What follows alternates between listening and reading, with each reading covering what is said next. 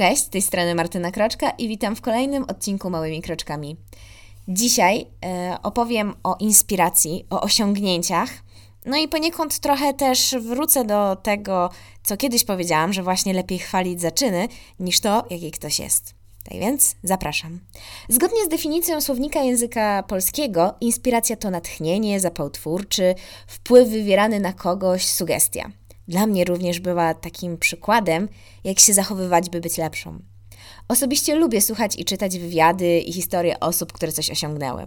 Często są one niesamowite, pełne przeciwności, ciężkiej pracy i determinacji.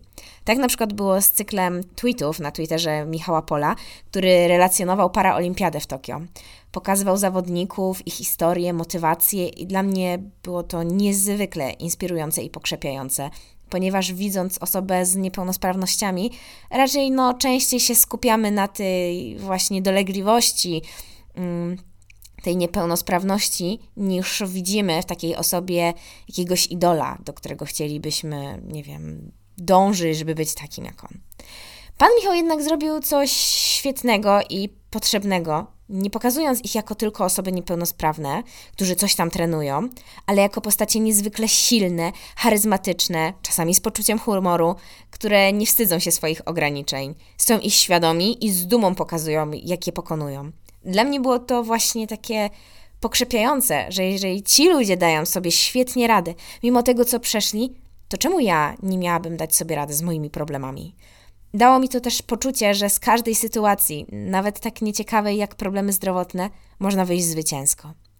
Bardzo doceniam to, co zrobił właśnie pan Paul i uważam, że jest to niezmiernie potrzebne, by właśnie pokazywać, że niepełnosprawni czasami potrafią nawet lepiej sobie radzić niż zdrowi, że to właśnie największa siła człowieka, że potrafi przełamywać bariery i osiągać sukcesy.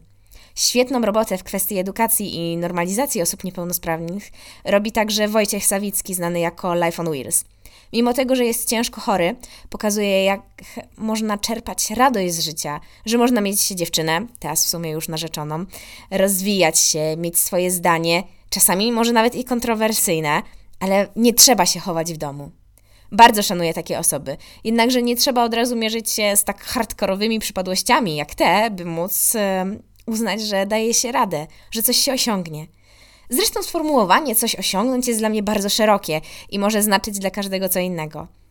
Dla jednego będzie to kariera na szczeblu międzynarodowym, dla innego odkrycie dotąd nieznanej rzeczy, a dla jeszcze innego będzie to, że się nie poddał i że małymi kroczkami zmienia swoje ży życie, czy może na przykład, że wraca do zdrowia.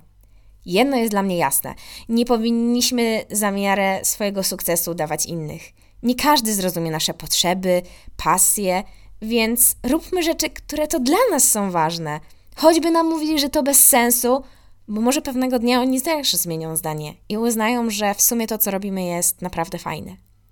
Jakiś czas temu miałam pytanie na takie rekrutacyjne, by wskazać swoje osiągnięcie zawodowe i w sumie przyznam, że miałam z tym ogromny problem. Jestem na początku swojej kariery zawodowej. Przez dwa lata pracowałam dorywczo, więc w sumie szału nie ma. A przez pół roku ostatnie pracowałam już taką prawdziwą pracą, e, no, to znaczy no prawdziwą, w sensie takim, e, że już w moim takim docelowym e, kształcie, czyli właśnie w dziale marketingu i na pełen etat. Ale właśnie e, mimo tego, że w sumie pracowałam, no bo teraz już niestety nie, z, z branży związanej z moim wykształceniem, w sumie nie zdążyłam osiągnąć nic takiego spektakularnego, co mogłabym właśnie nazwać z dumą swoim osiągnięciem. Za to w swoim życiu miałam wiele sytuacji, które mogę z dumą nazwać właśnie osiągnięciem. Chociażby na przykład to, że już czwarty rok z rzędu zdobędę stypendium rektora dla najlepszych studentów, mimo że oprócz studiowania pracuję, mam małe dziecko, nagrywam podcast, co więcej na uczelnię wróciłam po trzech tygodniach od porodu, a pracę licencjacką napisałam na rok przed obroną. Szkoda, że mi z magisterką mi go trochę gorzej, ale no cóż. Byłam wolontariuszką Mistrzostw Świata w lekkiej atletyce juniorów. Zajmowałam się ponad 70-osobową grupą z Japonii i mimo, że było wiele niespodzianek i przeciwności losu, które wychodziły w trakcie, udało mi się wszystko załatwić, sprawić, że te osoby do tej pory miło wspominają tamten czas, a także z dumą mogę powiedzieć, że znam osoby, które startowały w tym roku na olimpiadzie. Udało mi się też stworzyć podcast mimo napiętego grafiku. Przeżyłam najgorsze chwile w swoim życiu i dałam radę, mimo że niektóre nadal stanowią dla mnie swojego rodzaju traumę. Wychowuję małego człowieka, który wspaniale się rozwija jak na swój wiek. Dla mnie to są osiągnięcia, niezależnie od tego, czy ktoś uważa podobnie, czy nie. Napawają mnie dumą i mam nadzieję, że w przyszłości moje dzieci też będą wiedziały, widziały w sobie i były dumne z swoich osiągnięć, nie tylko jeżeli ktoś im to potwierdzi. Czy umieści je na pierwszych stronach gazet, czy chociaż nie wiem, czy wtedy będą jeszcze gazety, może po prostu na pierwszych stronach artykułów w internecie. nie wiem. Moim zdaniem za mało chwalimy ludzi wokół nas, a zamiast tego częściej, chętniej i głośniej krytykujemy i wytykamy porażki. Doceniajmy małe gesty, chęci, starania się już od najmłodszych lat, ale nie skupiajmy się na tym, jaki ktoś jest. W sensie, no to już tak wspominałam w poprzednim, e, w poprzednich odcinkach e, dotyczących potęgi słowa, więc w sumie może nie będę się jakoś bardzo powtarzać, ale właśnie, że zamiast, e, że powinniśmy się właśnie skupić na tych takich naszych dobrych cechach, wykorzystywać je.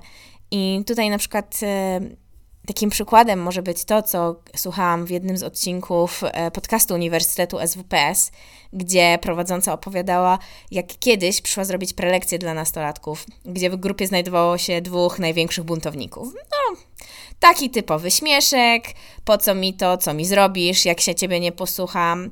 No i ogółem tak się zachowywali na samym początku zajęć, jednak prowadzący zamiast olać ich czy zwrócić im uwagę, zaczęły ich chwalić że mają takie zdolności przywódcze, że mają odwagę, więc może w sumie by wykorzystali te swoje cechy, że może daliby dobry przykład. Ostatecznie chłopcy ponoć się zmienili i zaczęli brać udział w akcjach charytatywnych. Nie wiem, jak to dalej było i na jak długo taka zmiana w nich e, nastąpiła, ale to jednak pokazuje, jak dużo zależy od tego, w jaki sposób potraktujemy daną osobę i jak do niej podejdziemy. Sama też widzę po sobie, czy po tym, jak się komunikuję z innymi, że zwracając uwagę bardziej na te pozytywne cechy, łatwiej jest nam się porozumieć i współpracować. Oczywiście nie wolno ignorować rażących zachowań, ale trzeba umieć dobrać odpowiedni środek i sposób przekazu, aby właśnie komunikat dotarł i był na pewno zrozumiany. Tak więc podsumowując, Bądźmy dla siebie bardziej wyrozumiali i cieszmy się z każdego małego sukcesu. Skupiajmy się bardziej na pozytywach i starajmy się chwalić za czyny, a nie za samo bycie.